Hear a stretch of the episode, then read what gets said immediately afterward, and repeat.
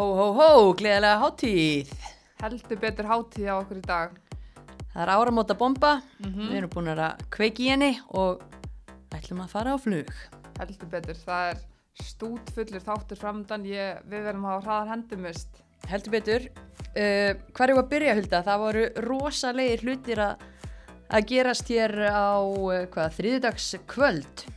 Mm Íþrótta maður ársins, glerþakið, mölvað, Konur, konur, konur.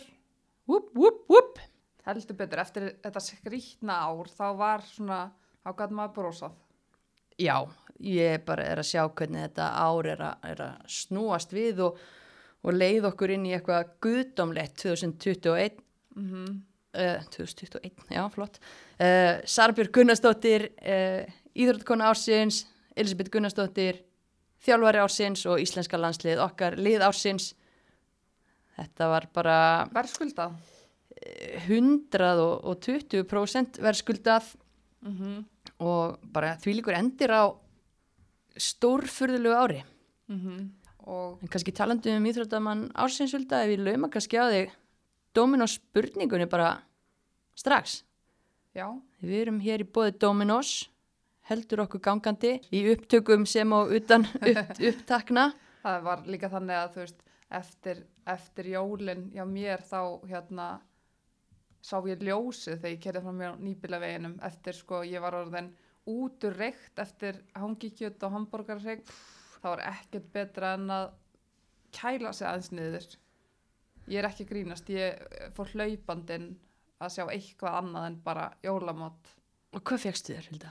Bara sama, surprise, mínus jalapeno út aftur, heim upp í sófa Love Island, þú þekkir þetta en mér langaði nú samt að spurja, ertu búin að prófa sigurpúðan? Nei, en ég sá þetta hjá þeim annað þegar veifið þessu framann með þegar ég fór. Fjúti fjú. Ég, eh, kannski kvöld. Þetta er fullkomið hérna næst fyrir, já, fyrir, fyrir nóttina held ég. Sigurpúðin, pizzadeig, nutella, súkulaði, sigurpúðar, glasúr og kanill. Það er bara allt. Ég fer þangað í kvöld og klára loka þáttinn í Love Island. Úff, hljómar eins og fullkomið plan. Og svo er enda líka geggja að Dóminas hugsa vel um sína. Það er opið hérna fyrsta jan. Þeir vita alveg hvað þeir eru að gera þar.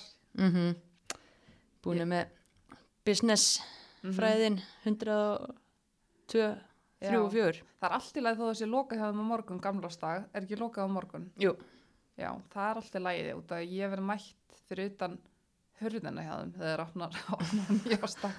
Það er alveg ræs.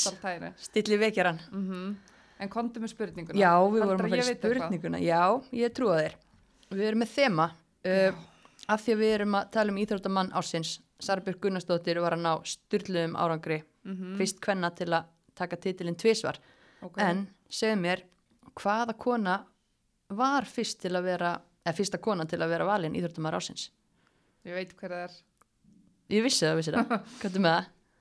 það er svolítið síðan hún var valin en hún Já. var, hún var eina konan þetta er Raggarun Ekki? Nei, nei, nei, er þetta ekki Raggarun sundkona? nei, nei, nei, nei. er ykkur önnur á undan henni? Jú, jú, jú, Mér fannst þetta líka eitthvað skrítið hvað hún var valin sent en ég man ekki eftir neitt á undan henni Heyrðu, 1964, hvað varst þú að gera þá? ekki mikið líklega Þá nefnilega var handbóltakonan valstrotningin Sigriður Siguradóttir. Já, drottningin sjálf Mm Var hún valin þarna? 64, Ok, vel gert, þetta voru þetta er bara svona Var hún valin? já, hún var valinn. Ok, Já, já, já, ok, já 64. Trú, trúur mér ekki? Jú, jú, þetta er bara svo mikið að köllum sem að hafa verið valdnir að bara Já, reyndar alveg bara mjög mikið, en hérna, En hún er algjör drottning. mm og það voru, hérna, ekki síður söguleg, hérna, hvað sem er, það var ekki síður sögulegt, hérna, núna, þú veist, þá er Elisabeth Gunnarsdóttir fyrst kvenna til að hljóta þjálfaravelunin, það er risastórt, Já, og þetta hefur verið valið þjálfarin, er þetta ekki, var nýjöndaskipti sem að þeir velja þeir, þau velja þjálfar ásins, ég held það. jú, ég bara veit það ekki, Mm En það var í, það, já, bara geggjað hjá henni og og við erum að skrifa skrifa söguna eða beta Já, Betta og Sara og Sigga og, mm og félagar. En þú sagðist alltaf, ég var að hlusta á áramóta kæfina hjá strákanum í á punktur net. Þú varst að tala um þarna uh, tilnefna Fótboltakunnur ársins. já. Og þú sagðist myndi þú sagðist myndi ég þetta húuna þína ef að hún myndi ekki vinna þannig að þú þarft ekki að jafla á henni. Nei, það er mikill léttir Mhm. en ég hefði heldur aldrei nokkrar einustu áhyggjur af því að ég þyrfti að út Dominos pítsu fyrir húfu eina Nei. kvöldstund. nei en eigum að byrja þetta Gera það. þú ert, að gera þetta svo ég þurfi ekki að klippa þetta með einhverjum lögum og sér þú um bítið í kvöld en Jep. það er margt búið að gerast á uh, svona setni hlutanum á þessu ári það, það eru leikmennir okkar er að hrúast út í atvinnumennskuna útrásar vikingarnir 2020 eru Dam, daram, dam. Hlín Eiríks hún er komin út til Svíþjóðar óvænt Uh, kannski óvæntur áfangastæður, ekki óvænt að hún væri að fara út. Ég held að maður hefði nú alveg verið búin að átta sig á því. mm en Pittea sem var Pittea Pítja, Já. ég veit, jú, ég held að pítja. hefðu hann ekki geta, þetta er lið sem enda í áttundasæti í Svíþjóð Hlín er búin að uh, bókstala bara eiga íslensku deildina meðal annars þú veist, hefðu hann ekki geta að fara í betra lið Um, jú, geturlega, myndi ég segja það. mm -hmm. En það er að mörgu að huga, Mm eins og við vitum og, og hérna, ég hef bara heyrt góða hluti af umgjörunni í kringum pítja mhm. og ég held bara að vera gaman að fá enn eitt íslenskt andlitið í Mhm. sænsku deildina. Við erum alltaf að fylgjast betur og betur með henni. Mhm. og kannski ætla hann líka bara að gera þetta réttir í röð hún er, maður gleymið því kannski hún er ung, hún er fætt 2000 er það ekki, Mm þannig að kannski er þetta bara alveg rökrétt Já. en næsta er Guðni Átna Önnur fætt 2000, mm kipt til Asi Milan, lánu til Napoli. Það er svolítið bíl þar á milli. heldur betur Milan í toppbarötu og Napoli botbarötu. Serja. Já, og ég meina Berglind var að spila að Nýjasi Mílan, þetta er risa klúpur. Mm. Selma Líf í Napoli, þannig að það er íslenska tenginga báða megin. Mhm. Þannig að Þetta er risa múf þetta er það. Og, og er ekki planið að hún klári sísonið hérna með Napoli og, og taki svo Milan næsta ári. Jú, og bara hlakka til að fylgjast með henni á Ítalíu. Að fara hann í næstu. Mm Berglind, Rós, Örubrú. Það var svolítið skemmtilegt tvist. Berglind Rós 25 ára og ekki það að aldur virðist nú ekki vera skipta neinu máli hjá fótbolta hérna atvinnukonunum okkar. Fara út á öllum aldri. Og þetta var svona, ég veit ekki maður búin að heyra eitthvað af þessu en þetta kom samt svolítið skemmtilega óvart. Mm Og líka bara Berglind, þú veist, sp- spilar uh, valinn í hópin, alansliðshópin í fyrsta skipta þessu ári, komin út núna, hún er bara 25 ára, það er engin aldur, bara hverjar hafa spilað þarna áður, það er Edda Ólína voru þarna, var ekki Anna Björk þarna líka? Jú, ég eitti viku þarna. þú eittir viku Í hérna Örebro. varst með önnubjörg að muna Já, ég var, ég var að pæli hvort ég hefði verið í Örebro og hver ég hefði verið þarna á vindsveng. eftirminnilegu staður greinilega Öribrú Nei, hann var ekki það, hann var alls ekki, eða þú veist, það hefði verið flott að vera þarna í fymta, en ég var held í tværi vikur þarna, þá var ég alveg búin að grandskoða íkja alveg. já, ég, uh, þau þurfa að hafa ágjörða Berglindi það er henni að fara að leiðast Nei, alls ekki, þetta er, þetta er bara flottu völlur þarna, góðar aðstæður fyrir fótbolta konu. Mhm. og hún er búin að vera svo ótrúlega flott með fylgisliðinu síðustu ár að það er ótrúlega spennandi að fylgjast með henni og, og sjá hvernig hún pluma sig núna takandi þetta skref Mm og annar leikmaður sem er búin að vera dominerandi í íslensku deildinni algjör leiðtói í sínu lifi, lið, lífi, sínu lífi og sínu liði Arna Sif, Áskrimsdóttir fyrirlið Þórs Káa, hún er farin á lán. Glasgow City, Glasgow, liðið hefur unni skoska mestaratitilin 13 sinnum í röð. Og það er spilað á móti val. Unnuval, mm í vítaspunni kefni ógislegum leik, en mm en hún er komið þangað, hún bara if you can't beat them. Join já, En hún hittir það líka, einmitt Íslandsvinnina, Meirít og mm Loren Veit og, og félaga. þróttarana. Já, já, bara, og hún er orðin 28 ára og þetta er bara geggja að hún sé að taka þetta skref núna já, en þetta er lán og hún ætlar að Já. koma til Íslands fyrir sumarið, eða ekki? jú, þetta er bara fram á vor en það er önnur Hallbera Guðni kom til Sví, Svíþjóðar líka hún er ekki að í fyrsta skipti út Ó, nei. Og það tók svolítið tíma fyrir þessi tíðindi að að detti í hús. Það var eiginlega, fólk var að tala um þetta bara um mitt sumar að hún væri að fara, en það búin að skrá sér í nám. mm En og það- hún skrifar undir hjá AEK búin að spila með Pitti og Jurgarden og já það er Taking Sweden by Storm. mm búin að vinna sjö Íslandsmestartitla, fimm byggamestartitla það er þetta er fengur fyrir. AEK ekki spurning og bara, já, þú veist mér er svo gaman að þessu það er svo gaman að fylgjast með líðunum sem að stelpunir okkar er að spila með og hvað þá þegar þeim fjölgar um hvað, 6-7 stykki á einu bretti og, mm -hmm. og við erum ekki einu sinni búnnar í upptalningunni, nei, næsta Hey. Sveindís Jane loksins komin hérna komin ljós hvað hún spilar heldur betur búið að það maður vissi að það var mörglið á eftir henni og, og hún er komin til ríkjandi Þýskalandsmeistara Wolfsburg tvöfaldra mm -hmm. og ætlar að fara á lán til Kristjánstad fyrst í eitt sísón og, og koma svo til Wolfsburg. Og já, ég veit ekki, maður var eiginlega bara svona að því að það er náttúrulega ekki búið að tala meir um neitt leikmann hérna á Íslandi í, Mm í ár og sumar og maður bara beið og beið og beið og hugsaði bara, heyrðu, er hún kannski bara, ætlar hún bara vera bara í keflavíkar eftir alls saman eða, nei, það var ekki svo leis ekki alveg. Bara býði eftir að besta liði í Þýskalandi bjóða mér samning. Mm og þetta er ótrúlega bara verður ótrúlega gaman að fylgjast með henni þarna. Og það er náttúrulega fleiri, er ekki fleiri leikmenn sem hafa verið orðaðir við liðið úti? Mm Karolína Lea náttúrulega núna síðast, hún er náttúrulega jafna sig eftir aðgerð, orðið við bæinn mun hér það er ekki, ekki leðileg, leðilegt að láta orða sig þar út. Hann er búið að tala um uh, að hérna Cecilia Rán sé að fara út Alexandra Jóhans Agla Maria mm bara, já, ég hef allan að hýrt mjög mikið og, og fólk tala mjög hátt um, um þessi nöfn svona í, í haust. -hmm.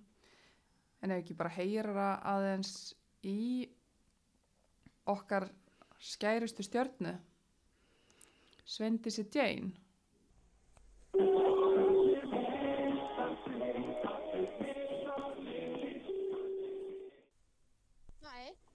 Blessu Svindís, halló, hvað segist?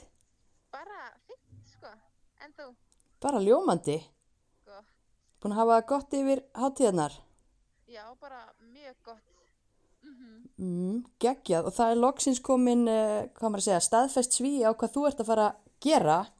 Já vá, loksins, það er alveg þýlikur léttir sko, er það ekki? jú, Það er náttúrulega búið að vera umræða um þína framtíð bara síðan einhvern tímann snemma í sumar. Hvenar hérna Já. varstu eiginlega búin að ákveða að, að reyna fyrir þér í aðurmennsku?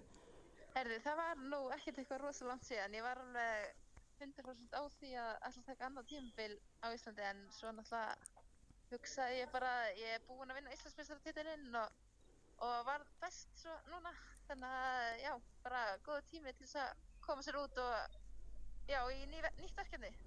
Já, og hvað, hvenær byrjaður að, að spjalla við, við, við lið út í heimi og svona? Um, bara eiginlega strax eftir tímabilið, ég ákvað það sjálf að ætla að klára tímabilið áður en ég fyrir að pæla í því að fara út og svona, þannig að það var bara núna í lokin, já, bara lók tímabilsins. Ok, og hvernig er þetta búið að vera? Ég menna, fegstu mörgum tilbúðum að velja? Já, það var alveg nokkuð lið sem ég var að velja úr, sko, en þetta bóð frá Wolfsburg var alveg síðasta sem ég fekk, þannig að ég var alveg mjög fljóta ákveð það að, að taka við þessu tilbúið sko frá Wolfsburg.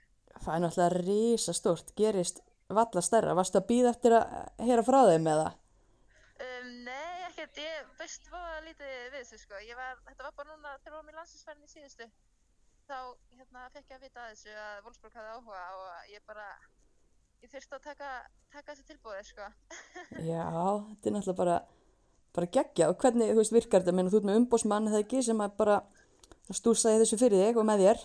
Mm jú, þarna, það er náttúrulega mjög þægilegt að vera með umbóðsmann sko, þurfi ekki að vera að pæla mikið í þessu sjálf og, já, og bara fáta í gegnum hann, þannig að ná líka bara þurfi ekki að tala við liðin og allir að senda á mig og svona, þannig að það hefur alveg, hérna, hjálpað mjög mikið.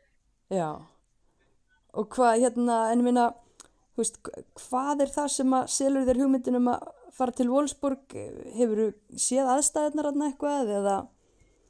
Herði það bara, ég heyrði bara Wolfsburg, þannig að það er geggja lið og þetta er bara geggja tækifæri og maður veit ekki hvort þetta komi aftur, eða þú veist, Mm þetta, já, maður verður eiginlega bara grípa tækifæri þegar maður getur, þannig að ég var ekkert lengi að ákveða mig, sko, um að taka við þessu, sko, þannig að, já, ég bara heyrði Wolfsburg og ég bara, heyrði, ég verð að taka þetta.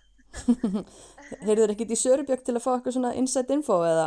Um, náttúrulega, þetta gerðist bara úti þegar ég var með Sörubjörn, þannig að ég heyrði alveg í henni eitthvað smá, bara, hérna, inn í klefa fyrir æfingu, þannig að það var ekki mikið, það var ekki mikið spjall, sko. þannig Ok. að- Mhm, En hún veit getað alltaf- vottað, ég já. Já, ég get alltaf leitt til hennar, þannig að hún gefur alveg góð ráð, sko, ég veit að því. Algjörlega. Já, og þú ert að fara í feta, feta fótspor hennar, feti fótspor hennar, í, hennar þarna í Þýskalandi, afsakið. Mm, er það stressandi? Já, náttúrulega, þetta er alveg, hún er alveg stór leikmaður, sko, hún er geggjuð bara, þannig að það er alveg svolítið erfitt að þurfa að byrja sig saman með hana, en ég allavega ætla að byrja eins vel og ég get þegar ég loksast að tækifæri hjá þeim. Já, Og já, alveg margir bara líka á Sarabörg verðan náttúrulega og þú ert að koma í staðin fyrir hana og svona, það er erfitt að heyra, sko. já, Mhm. nei, nei. En þú ferð ekki þangað alveg strax. Þú byrjar á láni hjá Kristjánstad í Svíþjóð, ekki satt? Mhm. Jú, alveg hárið. Mér fannst það líka alveg, ég fekk að heyra það bara strax um leið og ég fekk þetta Wolfsburg tilbúið hendunar. Þannig að ég vissi það bara um leið að ég er lánuð. Þannig að mér leist líka ótrúlega vel á það út af því að Kristjánstad var alveg lið sem ég var að pæla í líka fyrir. Þetta var svona eiginlega bara win-win fyrir mig. Þannig að, já, og hugmyndin með því þá að þú þróist áfram sem leikmaður þar í, í betri deildin á Íslandi og, mm akkurat. Þannig að deildin út í Svíþjóð er aðeins betur heldur en hérna heima. Aðeins betur en Pepsi-deildin. Þannig að ég get vonandi bætt með alveg helling þar og er þá tilbúnar í skrefið til Wolfsburg. já, og þetta er náttúrulega mikið Íslendingarlið eins og við, við þekkjum, við höfum fylst ágætlega með. Ert þú búin að kynnast eh, genginu þarna í, í, í kringu liðið? Já, ég er náttúrulega að þekka alveg mjög vel til hennar Elisabethar og Gilvi, maður hennar er náttúrulega umbóðsmaðurinn minn, þannig að þetta er alveg þægilegt að hafa þau svona nálægt og að séu mikið Íslandingum hana í kring og náttúrulega Sif sem er bara frábær fyrirmynd í bara öllu. Já. og, og hún hefur alveg heyrt í mig líka, þannig að það er alveg ógslag þægilegt að vita af því að það er alveg, þú veist, það er Íslandingar hana, það er maður svona, að það er alveg, það róa mann eiginlega. Já, og já, líka bara þú veist, geggja lið og er alveg að fara að vera toppar út í Svíþjóð og það er alveg gaman að komast í lið sem að getur alveg unni hluti, ást, unni deildina og eitthvað svoleiðis. Þannig að mhm, ég er alveg, mér langar að vinna allt, sko, já, þannig að þetta hendar alveg það er eina viti, já. Og þú, og þú fyrir meistaradildina með Kristjánstad líka, það er nú líka spennandi verkefni. Já, það er nefnilega mjög spennandi og ég er alveg ótrúlega spennt fyrir því, sko. Þannig að ég, að hefur náttúrulega aldrei spilað í mistadöldinni, þannig að ég er alveg mjög spennt og ánað að það séu líka í mistadöldinni, já. Já, algjörlega. Og hvenar er svo planið að fara út? Hvenar hefst þetta ævintýri allt saman? Það er bara, eða strax eftir áramót, ég flýg út bara 5. janúar, þannig að þegar beinti Kristinsdótt, ég stoppa ekkert í Þískalandi, Ok, bara vegna ástansins og svona og já, þannig að ég verður bara komin út í Svíþjóð 5. janúar. já, spennandi. Verður þú þá í ykkur sambandi við nýja þjálfarðin hjá Wolfsburg eða alfari bara í höndum betu og félaga? Um, bara svona bæði og já, hann, ef, hann hefur alveg verið að spjalla við mig og hann ætla að halda sambandinu og svona þjálfur út í Wolfsburg og Já. hérna, svo var hann líka eitthvað að tala um að kíka til Svíþjóða þegar reyna ástandi batnar Mm mm þannig að það verður alveg eitthvað sambandan á milli Nákvæmlega, og kannski sk- svolítið skrít, skrítni tímar til þess að- vera að taka svona ákvörðun um að fara út. Var COVID ekkit að trubla þá ákvörðun að, að dempa sér í atvinnumennskuna? Jú, maður var alveg svolítið stressaður út af því að ástandið náttúrulega úti í Svíþjóð til dæmis er alveg tölvöld verða heldur en á Íslandi. Mm þannig að þetta er alveg alveg svolítið erfitt og líka bara svona fjölskyldan hérna heima er alveg veist, bara að segja mann að passa sig og veist, bara veist, hafa augun opinn og spritta og allt svona. Þannig að hafa alveg margir áhyggjur af þessu en ég er náttúrulega verið bara að halda í það halda í sprittið og já, Helgilega, passa vel upp á þig. já, akkurat En ferðu ein eða tekur einhvern með þér úr fjölskyldunni? já, heyrðu, kærastu minn ætlar að koma með mér þannig að ég verð ekki einn Ok, akkurat mm en hann í fótbolta líka? Já, hann er í fótbolta og það er alveg nóg áhuga á honum hann út í Svíþjóð líka en að hann fær vondi eitthvað að spreita sig út í Svíþjóð þannig að Já, það væri, Mhm. það væri geggja, það var geggjaði kombodýl. Og hvernig ertu í, í tungumálum annars? Erðu, ég er ekkert sérstök, sko. Nei, þú ert að læra bæði sænsku og þýsku núna bara á Já. næsta árinu. Já, ég verð bara að vera dugleg við það, sko. Ok, það verður nóg að gera, vonandi einhver, einhver frítíma á milli æfinga. Já, akkurat. Mm. En þetta er bara æðislegt, Sveindís, og, og svo gaman að þú sért að uppskera svona vel eftir þetta frábæra ár sem að er að líða. Hvern- Já, takk. Bara svona, þú veist, í lokin, bara hvernig líður þér ef þú horfið tilbaka á þetta skrítna ár en, en jafnframt frábæra fótbolta ár fyrir þig? Mhm, Ég bara, mér líður bara mjög vel með þetta allt, sko. Það er ógst leiðilegt með þetta COVID en það er náttúrulega ekki hægt að breyta því. Þannig að þetta hefur bara verið frekar fínt ár fyrir mig, eins og segir, og já, þannig að ég allavega á eftir að horfa, horfa tilbaka og bara segja að þetta hafi bara verið mjög fínt ár, hérna 2020. Er það ekki? Jú, Og svo náttúrulega kannski skemmt ekkit fyrir að vera partur af, af liði ársins sem var valið. mhm, akkurat, það bara geggjað, sko. Líka bara fá að vera með í landsliðinu og svona í ár, þannig að það hérna, hjálpaði mjög mikið. bara hjálpaði bara í öllu, bara í genginu og allt það, bara fá svona viðurkenningu. Algjörlega. Mhm. Þannig þú fer full sjálfströðs til Svíþjóðar og, og klári nýtt eh, fótboltaár. Já, það er bara svo leiðis. Æðislegt, bara til hamingi með þetta allt saman og, og gangi þér takk fyrir. ótrúlega vel. Takk fyrir það. Hlökku til að fylgjast með. Takk. Takk, bless, bless. Bye. Já, gaman að heyri Svendisi og hún var í liði ársins, eða er í liði ársins, íslenska landsliðinu sem var tilkynnt í gær á hófinu, hófinu stóra, Já, sóttvarnar hólfinu, það er ekki meira, svoleiðis. meira svo leiðis. En já, uh, en þetta lið ásins, það er náttúrulega þjálfara laust eins og alþjóð veit og hérna margi búin að vera að spá og spökulera í því hvað skuli til bræðstaka í þeim málum. Og þá er aðeins ein kona sem að ég vil heyra hvað hefur að segja um þetta. En við ákvaðum að slá á þráðin eða mist. Þú heyrðir í, Ég heyrði í henni góðsagnakendu vöndu sig sem er náttúrulega fyrrum landslýstjálfari, landslýsleikmaður og þjálfari til áratuga, hún veit hvað hún segir, syngur. hún veit það. Já, við heyr, skulum heyra hvað Vanda hafði um uh, landslýsþjálfara stólin að að segja. Sæl og blessu vanda. Halló. Heimavöllurinn sem ringir Já, gaman að heyra ykkur. sum leiðis. Gleðilega hátíð. Já, takk sem við leðis. Og bara takk fyrir ykkar hérna að þátti að gera þessa hátíð ennskemmtilegri. Ég hennar fína hérna ból frá áriðana Sörubjörg hérna inn í skáp. Nó. Það er alveg fótballta jól. Mhm. Gekkja. En þið ekki búin að hafa það bara nokkuð gott annars? Herðu, ég er bara búin að hafa það mjög náðugt. Eins og, og jólun er að vera. Mhm. Gekkja. Þetta að heyra. En hérna, við erum nú að hafa samband við, við vöndu sig fyrir landslískonu og landslísjálfara af því að nú standa mál þannig að aðlandslík hvenna er þjálfarlaust og við hefum svolítið gaman að því að heyra hvað þú vildir sjá gerast í þeim málum? Já, ég, í fyrsta lagi svona áður en ég fer að nefna einhver nöfn og svona, þá, þá langar mér svo að tala um að, að mér er svo mikilvægt í þessu öllu saman að, að ég ætla að nota nafnum mitt sko, að þegar ég heiti Vanda Sigurðsdóttir sem þetta seti Vanda Sig.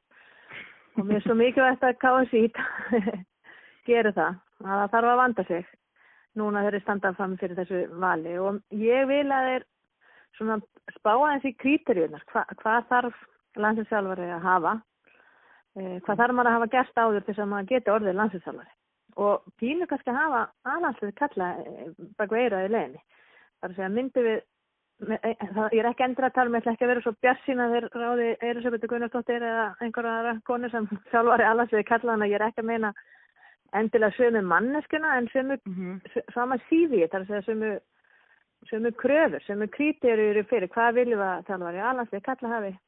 Og myndu við ráða Eh, þessa manneski með þessa kriterjur uh, sem, sem þjálfar alveg þess kalla? Ef svarið er nei, akkur eigum við þá að ráða um, þann þjálfara sem þjálfara í allansleikvæna þannig að ég vil bara að hérðan í frá verði þetta regla. Og þetta eru bara svona kannski mín bestur áð eitthvað sem ég held að við, við munum allir sem að hafa bæðið leikmenn og, og kási og allir sem hafa áhuga og þetta er eitthvað sem við munum alltaf græða á. Já, en talandu um kríterjur og, og svona, hvað finnst þér mikilvægt að nýr landslýstjálfari eða bara landslýstjálfari í Íslands, hérna, hvaða eiginleikar eru mikilvægi þar? Já, þetta er nefnilega, hérna, þetta er svolítið erfið spurninga því að þetta er náttúrulega flókir að vera landslýstjálfari, þetta er, þú þarfst að hafa hansi marga eiginleika, það er ekki nú að að vera bara góður fókbóltalega séð ef maður er ekki góður í mannlegum samskiptum eða, og það heldur ekki nóg að vera góður í mannlegum samskiptum ef maður hefur ekki þetta fókbóltalega þannig að þetta er mjög stóft gaman að segja frá því þegar Lógi Ólafsson var að þjálfa okkur í gamla daga þá var hann einhvern tíman eitthvað frústreraður á okkur stelpunum og sagði bara maður þarf nú bara að vera ég veit ekki hvað, prestur og samfræðingur og til að geta þjálfa ykkur um, en hérna það þarf náttúrulega gert en eða í samt kannski, jú, prestur og sálfrængur þeir eiginleikar, ja. þeir koma sér vel Algjörlega. en það sem að ég mér finnst svolítið mikilvægt er að, að ég vil að næstu þjálfari sé rosa góður í taktík þar að segja hvernig ætlum við að spila? Ég er mikið, ég er stundum að kvarta veldursporðið, maður er minnst að ég er stundum að gerur ekki eitthvað í þessu, ekki bara kvarta veldursporðið en ég kvarta yfir sóknarleiknum. Ég er, ekki, ég er svona já, velt því fyrir mér, hefði viljað vera að fljúa vekk og fylgjast með einhver aðeingu því að ég, hérna, og bara með futtir virðingu fyrir þessum þjálfurum og allt það, en ég er svona, mér langar að næstu þjálfari sé rosagóður í taktík. Ég mm. hef stundum sagt söguna þegar ég var landsinsþjálfari og hitti Even Pellerút sem að það var nýbúin að gera normenn að heimsmeisturum og, og í þeirra huga var þetta alveg storkslegt afregt sem fannst að normenn ætti ekki að geta orðið heimsmeistara, það var svona að bera saman tölunar í yfir knaspinnukonur í Nóri og svo bara það sama við Þískland og Bandaríkinn til dæmis. Já. Þannig að hún er fannst að litli Nóri rættur en ekki að geta þetta og þannig að ég þá spurði hann ok, hva, hvað er það, hvað er mikilvægt og þá sagði hann að verði að vera í rosagóðu formi og svo mm. rosalega, rosalega skipulag og skipulegar. Og ef þetta var fyrir litla Nóri þá fannst mér einhvern veginn að pínleitla Ísland þurfti kannski að hafa þetta í huga. Að og nú er þetta náttúrulega langt síðan þannig að nú er þetta orðið miklu almennara það er þess að taktíkar orðið miklu almennara heldur en hún var en það er svona um, ef ætlum að ná langt á þessu næsta stórmóti þá held ég að þessi er áfrá ef en pellur út gildi svolítið ennþá þannig að þannig að það þarf að vera fókbóltalega síðan mjög fær og klár eins og margir af þeim þjálfurum sem við höfum haft eru. Ég er ekki að svo mikið að ég er ekki að gaggrina þá sem hafa verið af því ég er nú eina af þeim sjálf. Sko, þetta er pínus að skjóta sér fótinn.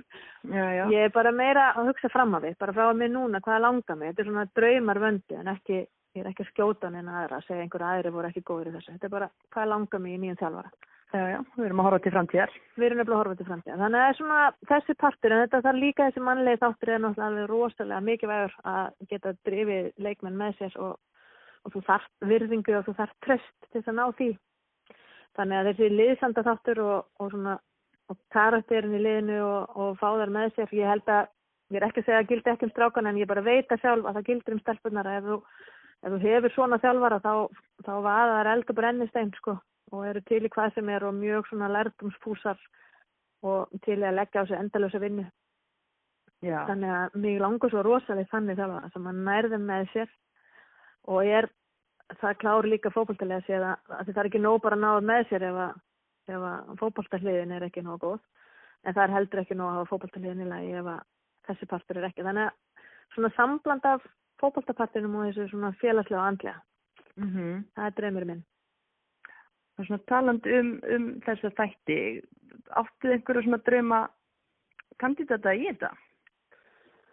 Sko, ég er búin að vera að hugsa þetta svolítið eins og örgulega mjög margir aðri sem er að fylgjast með hvernig fókbaltanum og það er svona draumir hjá mér, ég er samt ekki, ég útskýri kannski eftir, það er ekki að ég, ég vil endilega gerist núna en það er draumir hjá mér að einhver tíman á næstu árum áratugum fáum við einhvern svona rosalega flottan erlendan þjálfara. Svona svipa eins og gerðist þegar að ger, tók nú eina sínum betri ákvörðunum og réði Lars Lagerbæk áhrifin sem að það hafi á kallalandsliði og líka á kvennalandsliði og bara alla umgjörð er náttúrulega bara ótrúleg og bara gaman að hafa fylgst með því. Þannig að ég væri svo til í að við myndum einhvern tímann gera þetta sama líka kvennaminn, fá einhvern svona, þá er að tala um sko alveg bara svona píu sundhagi eða einhvern sem hefur þjálfað Bandaríkin eða Þískaland eða einhvern svona bara, fáum einhvern svona bara flottna þjálfara með mikla alþjóðlega reynslu. Það væri geggja. Það nefnilega væri svolítið skemmtilegt.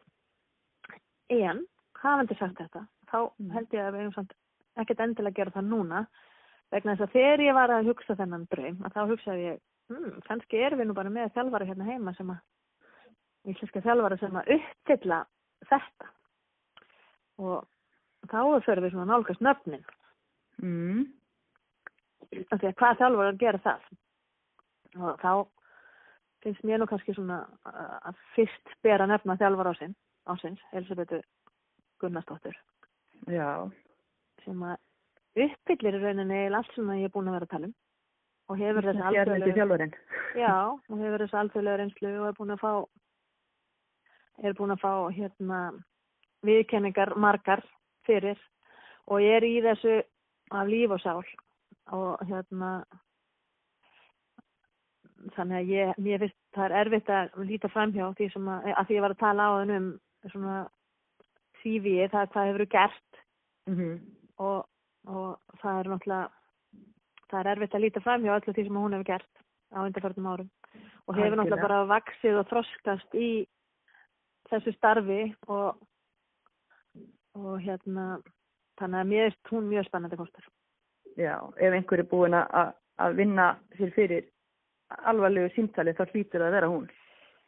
Já, það væri afskaplega sérstakt og aftur sko segi ég sko ef að, að sko sömu krítur ég aftur, bæði kalla megin og hvenna megin, ef að þeim virkilega langaði að fá einhvern aðlands sem sjálf var að kalla, eins og þeirri fengulega slagabæk, sko, hvað gerðu þeir þá, hvað voru þeir tilbúin að leggja á sig til þess að fá hann. Mér langar líka að sjá svona svipa, þú veist, ef það, ef, ef það er Elisabeth, þú veist, þá verður bara að gera allt sem þarf til þess að fá hana, ef að það er hún sem við höldum að við ættum að fá. Um, ég get að samt alveg nefnt fleiri líka, mér er líka Steina Halldórs á Breiðablik. Mhm. Um, ég verið mjög hrifin að mörgu sem hann er að gera. Mér liðið spila skemmtilegan sóknabólta og fá sér fá mörg og, og hann er náttúrulega búin að vera með þessar ungu stelpur sem að voru að heilla þjóðina í alansveðinu. Sem að komið þessi viðbútt inn í þessar flottu sem að voru þar fyrir. Þannig að hérna, hann er líka uppfyllir skilirinn. Ég veist hann hérna slingur fótballtafjálfari, engi spurning um það. Þannig að mér er kannski þau tvö svona að vera svona, það voru allavega svona nöfni sem að komi fyrst upp hjá mér, svo er náttúrulega, Freyr, við veitum ekkert hvað hann er að gera, ég myndi það var mjög gaman að fá heimi Hallgríms einhvern tíma, mest hann er að setja sér á markið með að koma tilbaka í tvennafótballtan, hann heimir einhvern tíma. Já, Talæknirinn áður en að hérna, hann hættir að þjálfa. nákvæmlega, þetta fyrir alltaf í hring.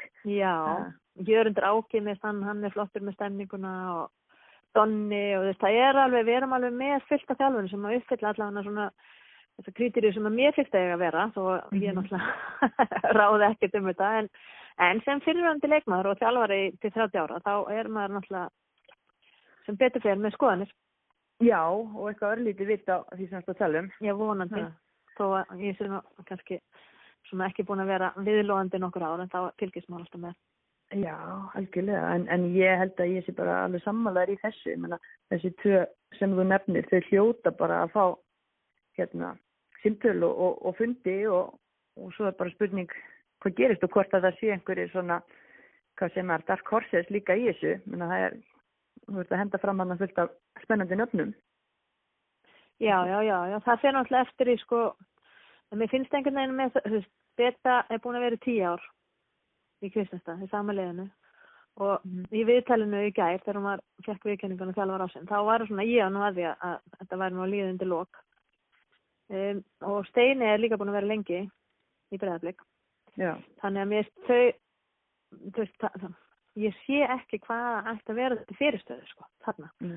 og ég er líka annað, ég er líka með svona, svona draum að, að sá þjálfari sem verið ráði núna, mér langar svo að verði svolítið tíma.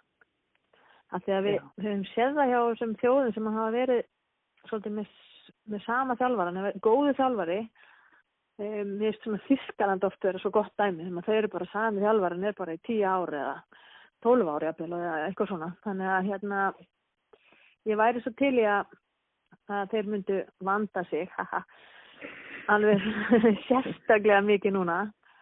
Og það kæmi einhver svona þjálfari sem að mynd að því að við erum líka við erum að fá svo mikið af ungum stelpum, ég held sko eftir ekki drosamörg ár þá væru við bara með, með bara ákveðin hluta leikmennum okkar að spila í þessum stóru liðin Mm það er náttúrulega opnanir á því núna þú veist, ég segi stundum ó, ég vildi vera fætt árið 2000 af því að möguleikarnir fyrir þessar stelpur að því nú er líka England búin að opna með öll liðin sín og, og, og Ítalja og Spátn og Þískaland og, og Svíð þú veist, þetta er, og Nóri, þetta er orðið svo þetta, það eru miklu meiri möguleikar heldur en voru, það eru miklu fleiri lið sem að hérna, er að bjóða upp á -hmm. Fólk er að kveikja líka bara og knastina hvenna er framtíðin, það er bara þannig.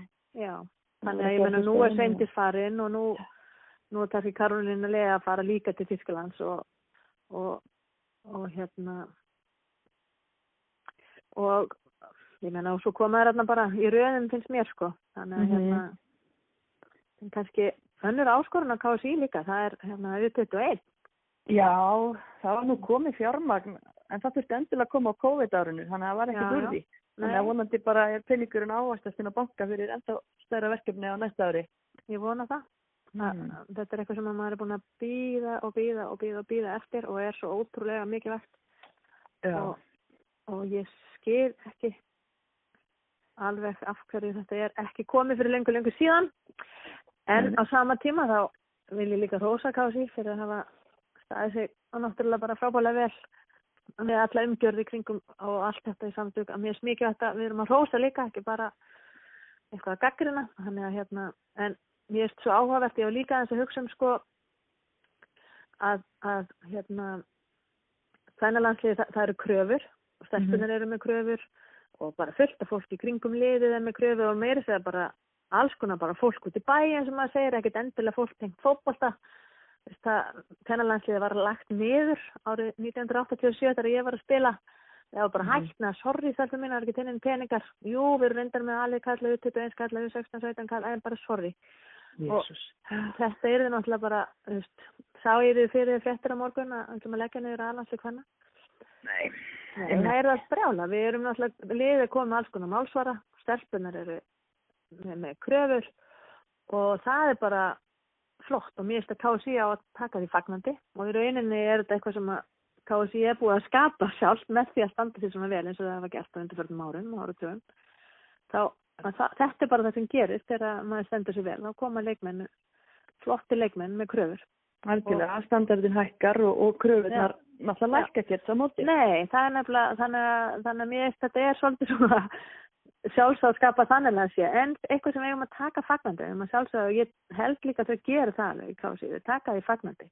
Já. og ég er bara samfærum að, að þau muni gera þetta afskaplega vel. Og, og, og passa eins og ég segja, ég bara, þetta verður bara svona regla. Að, að þú bara skoðar á þessi kemdegurinn sem þjálfari að hvenna, ok, myndi manneskja með sömu um, hvað, er, hvað heitir sífi, ferilská Ferilskrá, já. já, vera ráðinn þjálfari að kalla og svara nei, þá þurfum, þurfum við kannski að hugsa okkur aðeins Amen. Já, Ha, þannig að það er svona er sammálaðið þar. þannig að það, að ég, já, það eiga þær skilið þessar stelpur sem að leggja á sig endalösa vinnu og þær eru Mhm. ekki að fá miljón á dag eða 40 miljónar viku eða hvað sem það þær Nei, nei. og þannig að ég, já, ég bara, En þannig næst líka bara árangur eins og segi, metnaðafull ráðning í Lars og það kostaði pening en þetta er besta langtíma fjárfæsting sem KSI hefur gert.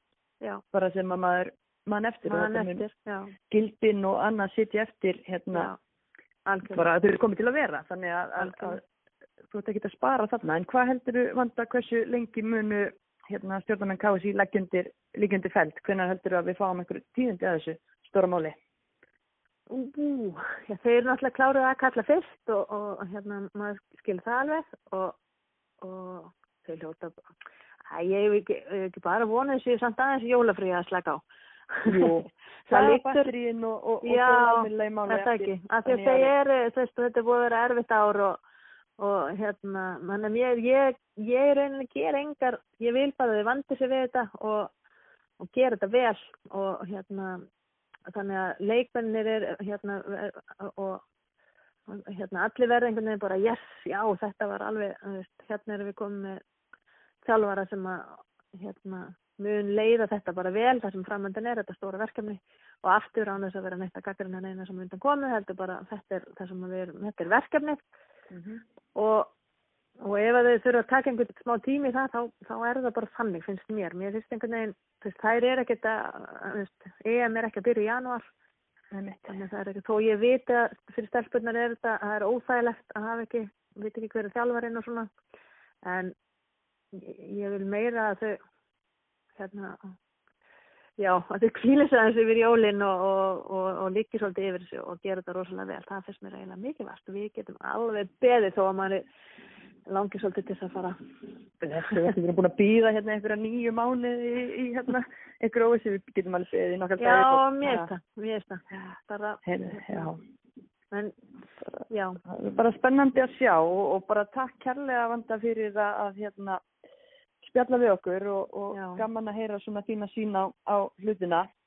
Já, bara Mm. takk leiðis og takk fyrir hérna Mér finnst þið stöllur sko frábærar, ég verð bara að segja það, ég er búin að lifta algjörðu krett takk, ég veit ekki hvort þið fatta það sjálfa, hvað þetta er mikilvægt sem þið eru búin að vera að gera. Ó, takk fyrir það. Ha. Við fyrir káttar inn í, inn í nýja ári með, Förum- falli orð. Já, Ha. já. Bara kæra takkir býðum spenntar og, Býðum í bandi. spenntar en, en þólumóðar eftir einhverjum frábærum frettum frá höfustöðum KSI. Klárt mál. Herðu, Mm. takk fyrir þetta, við heyrumst. Gerum það. Já, Takk fyrir mig. Bless, bless. Já, hún veit hvað hún er að segja vanda en hún nefnir þarna betu sem var emmitt í gær kjörin þjálfari ásins eins og við komum inn á áðan og beta hvað eigum við ekki bara að er ekki komið tími á að krýna hana heklu vikunar í bóði heklu fyrir það sem hún hefur gert fyrir bara íslenskan fótbolta? Þó fyrr hefði verið, hún er sannkölluð hekla, bara enn og aftur, þú veist, ótrúlega þraut segja, bullandi metnaður og bara keppniskapið, sko, rosalegt. og bara fyrir aðra eh, bæði, þú veist, bara ungt fólk sem vill fara í þjálfun. Þú veist, 2001 þá er hún 24 ára og þá er hún yngsti þjálfarin til að þjálfa í efstu deild slæðir met Mm þú veist, og er búin að vera byggja upp sem þjálfara feril bara hefur unnið allt hérna á Íslandi eða ég er frábær yngri flokka þjálfari líka áður en hún tók mm þetta skref. Þannig að hún byrjar í græsrútinni og, og einhvern veginn vinnur sig upp á ein verleikum 100%. algjörlega og líka bara hvernig hún var þegar hún var hérna í val ég horfði á þátt sem var þarna áskorun horfður á hann þegar, sem Gulli Jóns var að gera. Já, geggjaði þettir. já þar var hann staðræðan í því að gera val að Evrópumeistarum 2008 og þú veist henni vantaði fjármagn þá og hérna þetta var, hún ætlaði hérna talaði freysa inn á það að kaupa pilsvagn með sér til að fá fjármagn til að geta keft leikmenn til að vinna þú veist, hún gerir allt til að vinna hún er til að selja pilsur Já, einmitt, og ég menn hún gerir þetta líka í Kristjánstad, hún svona hvít laug sig inn á einhvern fund hjá einhverjum hérna, miljóner Mhm. til þess að að redda klubnum peningum þegar á þurft að halda. Þannig að hún bara veður í málinn þetta er kona sem að veður í verkefnin. Heldur betur og getur sannfært bara stóra leikmenn um að spila fyrir sig út að hún, hún veit hvað hún ætlar að gera og hún vill vinna. Og ég minni svo Svendis að fara til hennar hún getur bara slípað Svendisi óslípaði dem, demotur, það ekki kannski ekki alveg óslýpaður en hérna, geggi, en hún getur slípað hana kannski Sveindís er ekki búin ná þakkinu sinu nei. nei, þannig að heldur betur, hún var í góðum höndum ef að Elisabeth verður ekki næsti landslýsjálfari já. Eh, þannig að þetta er svona það, það, þetta tengist uh, svo ótrúlega víða. Það verður ansi fróðlegu kapall sem að mun alltaf verða sama hver verður ráðið landslýstjálfari held ég algjörlega en bara mögnuð fyrirmynd fyrir alla Elisabeth en hérna eigum við að fara nú er árið að klárast.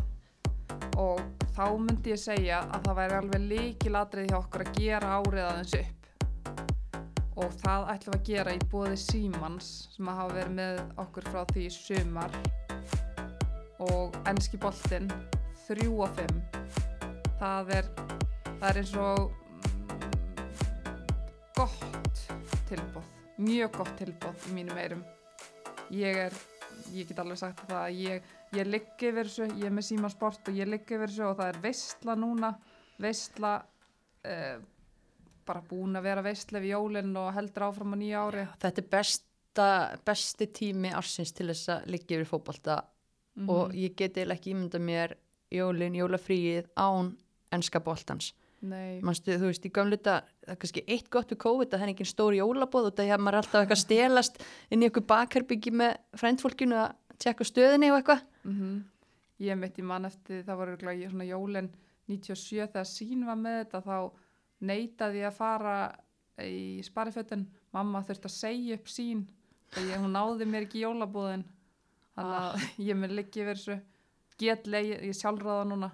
Get leið yfir þessu hort á símasport þannig að bara þökkum þeim kærlega fyrir að vera með okkur og ég, við höfum gert nokkra flokka Já, og eigum að byrja á prumpi ársins Sorry, þú leggst ekki á, ræðst ekki á garðin þar sem hann er lægstur. Prump ársins, vildi að útskýru fyrir mér. Heyrðu, þetta, það var eitt prump sem kom til greina. Sí, Bara eitt? Hvað ég er eitthvað barnaleg. Jæja, ég kom með þennan flokk og ég sé ekkert eftir því. Það er uh, FIFA-listin í ár. Mm, ég skil hvert þetta fara. Já. Það var tilkynnt, uh, hún, var, hún vann þetta Lucy eh, hérna brons. Hún var vel að því komin. Bakverðurinn knái. Manchester City en það var tilkynnt lið skipað 11 leikmönnum og uh, Megan Rapinoe skildi nú einu sinni ekkert hún skildi ekkert af hverju hún var aðna en hún var búin að vera meitt síðan í mars mitt allt árið og kemst í lið ársins. Af hverju gerir svona hlutir? ég bara veit það ekki alveg það er, það er, þetta, er, þetta er gott lið en það eru Mhm. nokkri leikmennan sem að maður skilur ekki alveg og aftur á móti nokkri leikmenn fyrir utan þetta sem að hefði alveg eins mátt eiga heima þarna sem eru búin að eiga starra ár Já, og svo líka grillaði þessu, þú veist, Kristján Endler, frábæð markmaður, hún er í liði ársins í markinu en besti markverðurinn er Sara Buhatti, mm -hmm. markur Líón. Þetta er bara svona, ég veit ekki á hverju uh, mannskapurinn var. Nei, en svo einmitt gerir Guardian, þeir taka saman bestu hundrað knaspindu konunar og það er listi sem make a sense En það, sko, þeir sem velja, þeir sem velja hann eru þjálfarar sem að þekkja þetta út á einn, blaðamenn sem eru bara, já, með fókus á knaspindu kvenna og og leikmenn líka, þeir eru með hundrað leikmenn út um allan heim sem er að velja þetta líka, þannig að þetta er svona þegar maður lesi gegnum þann lista Sara Björk er einmitt í 24. sæti þar. Allt og neðalega reyndar en er hann að en töffari ársins það er bara það voru nokkrar sem komið til greina. En það var hérna á ég að tilkynna þetta? Já, ég, ég bara fór út í líka hverja komið til greina og svona hvað, hérna, hvað ertu með þarna í ég pokahotninu er með nokkrar. Ég, hérna, Svendi Stjein segir ég ætla að vera besti leikmaður í heimi. Þarf ekki þetta er töffaraskapur. 100% mér finnst þetta bara drullu flott að koma fram með þetta og hún getur það. Segi þetta bara. Bara svelt kvöld og bara hennar einhvern veginn innkoma þetta fótbolta ár það, er allt töff við það. Mm er líka tvær aðra sem komið til greina það var til dæmis Karolina Lea hún, hún setti sér bara markmið í Flensborg í Íþróttasálfræðinni og hún ætlaði að spila landsleik mm -hmm. verið byrjunlega eftir eitt ár og hún bara stendi við það kona orða sinna, mm -hmm. geggju týpa Bryndís Arna líka, hún er hvað hvað er hún gömul? 16, 17. 17. hún skora 10 mörg þegar hún er í fyrsta skipti í byrjunliði þetta er bara, þessar stelpur eru ungar og svellkaldar mm -hmm. En hérna, vilt þú koma með næsta? ég er svona, já, sko það var margt á, já, ekki kannski margt það var, jú, já, margt eftir bókinu á þessu ári en það var margt mjög óvænt líka mm uh, nokkrar óvæntar tilfæslur og hérna sérstaklega í haust því að Mhm. sko atbyrðarásin á þessu ári fyrirpartur ás var náttúrulega bara spilaðar í slow motion síðan einhvern veginn fer allt á flug núna bara einhvern veginn í haust og síðustu dagar Mhm. það er allt að gerast. En hérna óvæntustu tilfæslur ársins?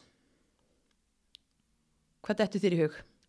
uh, mér dettur í hug mér ást óvænt þegar Bára hætti með augnablik. Eftir augnablík oh, oh, algjörlega, ekki einu svona augnablik. En hérna og hún er farin til Kristjánstad, það var óvænt en Já. bara jákvætt. Þjálfar undir 17 og undir 19 ára liðin þar og mér varst líka óvænt hérna Helena Ólafs Pepsi marka drottningin sjálf, hún er komin í þjálfaratemi íjar í breðoltinu það er mjög óvænt. Mhm. ég er í annari deild ég veit ekki til þess að sé nokkur tenging við helinu eða svona alltaf káringur og, mm -hmm. en þetta er statement frá Íringum heldur betur þau eru með tvo þjálfara, aðalþjálfara og fá svo helinu inn sem hérna, já, þriðja aðila og það hefur nú oft verið skoti á ír fyrir svona metnaða leysi gegnum árin en það á greinilega afsanna það og, og það er alltaf sér í bara topparáttu, mm heldur betur. Mjög spennandi en, En það hvað- sem að er kannski já, hvað kom, hvað kom þér á vort? já, þetta sem þú nefni kom mér mjög mikið óvart en það kom mér líka óvart, mér er svolítið leðilegt að sjá að Jón Stefán Jónsson hætti með tindastól. Já, Jónsi okkar, hann hérna búin að eiga stóran þátt í að, að hérna búa til skemmtilegt lið og svo einhvern veginn þegar það kemur að Pepsi Maxinu þá af hverju fer hann? hættir hann, ég veit ekki, hann hættir náttúrulega mannstu um miðjan síðasta vetur í fyrra bara því hann býr á Akureyri og er náttúrulega íþróttafulltrúi. Þórs, þetta eru þetta eru auðvitað flókið. En svo kemur hann aftur ætla hann komið aftur, er þetta eitthvað er þetta eitthvað triks? Í, Óskar Smári, góðvinur heimavallarins hann er náttúrulega farin yfir á krókin og ég held að hann sé bara fara að stíga inn í, í það sem að Jónsi var að gera. Þannig, en ekki nema að Jónsi bætist þá bara í hópin og verði þriðji maður. Mm -hmm. en hann verður nú pottitt þarna í, í símanum. Já, við Gunna og Óskar og, og bara klubin og þú veist. En þetta er svo spennandi tækifæri að stýra tindastól í Pepsi Max í fyrsta skipti. Jæja, það er eitthvað eitthvað þetta kom okkur óvart. Já, en hérna uh, já, uh, fleira sem ég var með uh, ummæli ásins mm, það var til dæmis, það kom nú eiginlega bara til, til mín hérna í dag. En þá var hérna Sigrun Ósk kona Jón Þórs sem að skrifaði hérna Facebook status eftir að, sagt, að það kom fram hver var þjálfæri ásins í gær. Þá skrifar hún hérna Nótt magnað að hauslaus her hafi rambað á þetta fína EM-sæti hefði verið gaman að sjá árangurinn ef þær hefði verið með almillan þjálfara. Þannig er Sigrun eiginkona Jón Þórs ekki sátt. vildi hann hefði verið tilnefndur þá? Já, eða unnið þetta, væntarlega líka. já, byrjum á Já. tilnefningun allan ok, ok, ok ah, Já, já, þetta var svona óheppilegt út að þetta er eh, kannski fyrst núna er eh, umræðan svona að hjáðina um þetta mál en þá kannski óþarfa að rífa þetta upp aftur en, en hérna hann Steinar fréttamaður segir hérna sumir gaggrina Jón Þór hafi ekki náð í topp þrjá þjálfar ásins en það er ekki bara árangur sem telur. Önnur lagagreinum kjörið segir einnig skal tillit tekið til reglusum og ástundanar, prúðmennsku og framfara. Hann skorar líklega ekki hátt í tveimur flokkum þannig. Vá, var ég að missa bara einhverju internet beef í dag? Var hann að Nei, svara var, þessu? Já, eða? þetta var nú ekkert meira en þetta. Þetta var bara svona, ég held að fólk sé ekkert að fara að svara þessu neitt. Þetta bara, þetta er búið. Já, Þannig að þetta var svona ummæli, ummælin sem að koma í dag og svo er náttúrulega ummæli eins og hérna að breyðablík ætti að vera að spila í sænsku deildinni, það var skemmtilegt. já, Bjarni Helgason, vinnur okkar á, á mokkanum, hann vildi senda það bara til Svíþjóðar strax í júli eða júni eða eitthvað. Já, já, hann vildi bara, hann vildi það burt. en hérna, en ef ég spyr þig hérna, besti erlendi leikmaðurinn sem spila á Íslandi í sumar, eða hver er líklegust til að sækja sér íslenskan ríkisborgari rétt, sem elskar Ísland? Já, og ertu að meina svona, þú veist, hver getur spila fyrir landsliða, bara hver vill vera Íslandingur? Já, bara hver var góð í sumar, elskar Ísland. Sko, Mary Ellis í þrótti var mjög góð sumar, en ég held hún ekki, vil ekkit vera Íslandingur. Erin geti aftur um móti, tengdadóttir Íslands, Erin McLeod, hún geti kannski viljað verða Íslandingur, ég veit ekki, nei, Já, ég veit ekki. Jú, þetta er, þetta er bara Þetta er út að leiða með okkur að villi götur, en að þú spyrir um besta erlendileikmannin á Íslandi í sumar, mm þá verði ég að segja Muriel Tyrnan. Já. Mér finnst bara hún vera, hún er alltaf, alltaf búin að vera best í þeirri deild sem hún spilar og bara hennar áhrif þó hún hafi spilað í lengjudeildinni, mér finnst það bara ekki skipta máli, mér fannst hún sá erlendileikmaður sem gerði mest fyrir sitt lið í sumar. En hún get alveg, þú veist, hún elskar söðakrók. Ég get alveg séð hana fyrir mig bara Sittja stað. breyta nafninu sinni í nú- Margaret, Margrét Tinna. já, Margaret Tinna. Nei, en þú veist, hún elskar Ísland og er, það verður bara ótrúlega gaman að sjá hana spila í Pepsi Max deildinni. Við erum búin að býða lengi eftir því. Ó já, Og hérna, hvað getum við komið meira? Ertu með eitthvað bestu fjarlagarskipti? hmm. já fyrir eftirtjumbil. Mátt ráða. Ég held að það sé kannski sami leikmaður sem eigiði bæði, þú veist, það er náttúrulega bara uh, fyrir breyðablika að vinna baráttuna við valum að fá Sveindísi var game changer, Mhm. leikbrjótur, svo við heldum áfram að nota, hérna, notast við hræðilegt uh, málfar, uh, Sveindístin hvað sem best í deildinni, þannig að það gefur auðanlega að það voru geggju félagskipti og ekki síður fyrir hana að semja við tvefaldar þýskalansmeistara Wolfsburg, Mm er það ekki? Jú, það er ekkert að að rífast eða þetta. Nei, þetta er kannski eiginlega bara svolítið svindla þetta sé með, Já, það er frekar þannig en en það var annars sem með datt í huga úr með hérna, leikmenn, er eitthvað leikmaður sem þú saknaðir í sumar? mjög margar. Já, hverja kom upp? Lilja Valþórs í K.R. Einhvern okkar, það er leðilegt K.R. saknaði hennar, Já, unga mömmunar. Uh, ég saknaði Fjólusjala, mm Ástu Eirar og bara hérna, the pregnancy train goes Mhm. on en ef við förum kannski af óléttu, mér datt í Vagninum? Lindarlíf. í já, af óléttu vagninum einmitt, Já. þá er hún frábært þar, við sáum allt og lítið af henni, Mhm, viðbeinsbrotnaði náttúrulega mjög illa snemma. Mhm. ég er sammála, það var ræðilegt að sjá hann ekki. Og svo náttúrulega líka blíkarnir sem að hérna mista tímbilinu vegna meðsla Selma Sól og Hildur Antons. Mhm, þar eru þeirra var sárt saknað. Mhm. Og ég meina, já, Fandís náttúrulega leðilegt að sjá hann ekki með og, og Margrét Lára, við söknum hennar skotnir enda farnir upp í hillu þar aðra Mhm. rástaðar að baki en Mm úf, þetta var erfið spurning vilda Já, ég er alveg meira að hérna endurkom ársins. endur koma ásins Veistu hvað ég var með? nei Ég var með að sjá guggu aftur í sannskudeldinu núna mm. í fyrsta nóvumber eftir að hafa tvíbura. Hún hefur ekkert spilað síðan síðasta sumar. það er rosalega endur koma Mm Ganga með tvö börn. Já, og sko ekki nóg með það hvernig er svefnin? Halló? Hann er auðvitað engin. Vá, já, Ég sef ekki eins og þó ég, ég er með ekkert barn. Sefur samt ekki. eða þú veist get ímynda mér, ég á alveg feikin á með bara mig Já, ég er sammála og ég verð pyrruð að það eru tvær mínútur undir 8 tímum þannig að mm bara gugga Guðbjörg Gunnarsdóttir að þetta skuldlaust. Emmett, hvað erum við meira? Ég var með hérna heima á allar klúður ársins, viltu heyra það?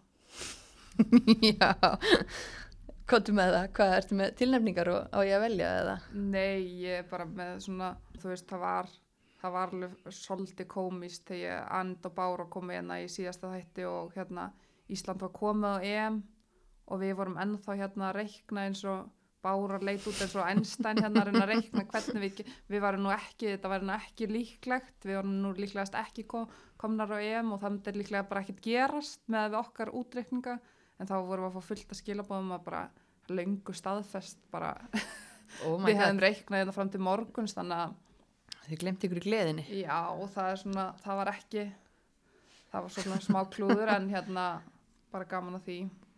Það var líka Pétur Pétursson.